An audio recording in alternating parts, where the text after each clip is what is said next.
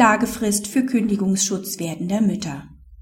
Die Ausnahmevorschrift des Paragraphen 4 Satz 4 Kündigungsschutzgesetz gilt für Schwangere nur, wenn der Arbeitgeber zum Zeitpunkt des Zugangs der Kündigung Kenntnis von der Schwangerschaft hatte. Die Arbeitnehmerin ist seit über zehn Jahren bei der Arbeitgeberin tätig, bevor sie im Frühjahr 2005 schwanger wird. Ihre Arbeitgeberin kündigt ihr betriebsbedingt mit Schreiben vom 30.06.2005. Mit Schreiben vom 7.07.2005 setzt sie ihre Arbeitgeberin über ihre Schwangerschaft in Kenntnis. Erst am 12.08.2005 erhebt die Arbeitnehmerin Klage gegen die Kündigung.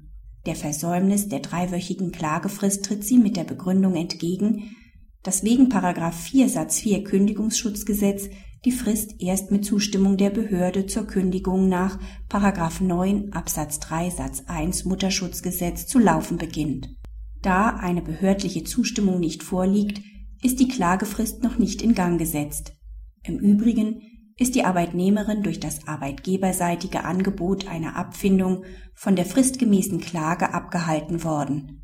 Beide Vorinstanzen weisen die Klage ab, auch das BAG verhilft der Klage nicht zum Erfolg. Die Kündigung der Arbeitgeberin hat das Arbeitsverhältnis der Parteien rechtswirksam beendet, weil die Arbeitnehmerin eine etwaige Rechtsunwirksamkeit nicht rechtzeitig geltend macht. Zwar sieht Paragraph 4 Satz 4 Kündigungsschutzgesetz vor, dass die Klagefrist bei Zustimmungspflicht einer Behörde erst mit dem Zeitpunkt der Bekanntgabe ihrer Entscheidung in Gang gesetzt wird. Diese Vorschrift soll die Arbeitnehmerin davor schützen, trotz des Mangels an Informationen über die Entscheidung der Behörde innerhalb der gewöhnlichen Klagefrist des Paragraphen 4 Satz 1 Kündigungsschutzgesetz Klage erheben zu müssen. Ihrem Zweck entsprechend sowie unter Berücksichtigung der Wertung der Paragraphen 5 Absatz 1 Satz 2 Kündigungsschutzgesetz und Paragraph 9 Absatz 1 Mutterschutzgesetz kann die Vorschrift daher nur gelten, wenn der Arbeitgeber bereits vor Erklärung der Kündigung von der Schwangerschaft wusste und damit überhaupt in der Lage war, ein behördliches Verfahren einzuleiten.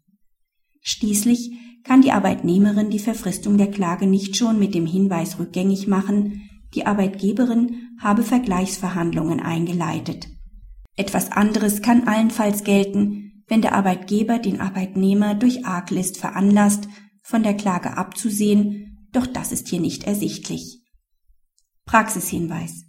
Der zweite Senat des BAG bestätigt mit diesem Urteil seine Rechtsprechung zur Unanwendbarkeit des Paragraphen 4 Satz 4 Kündigungsschutzgesetz bei Unkenntnis des Arbeitgebers von den einen Sonderkündigungsschutz begründenden Tatsachen und wendet sie erstmals auf werdende Mütter an.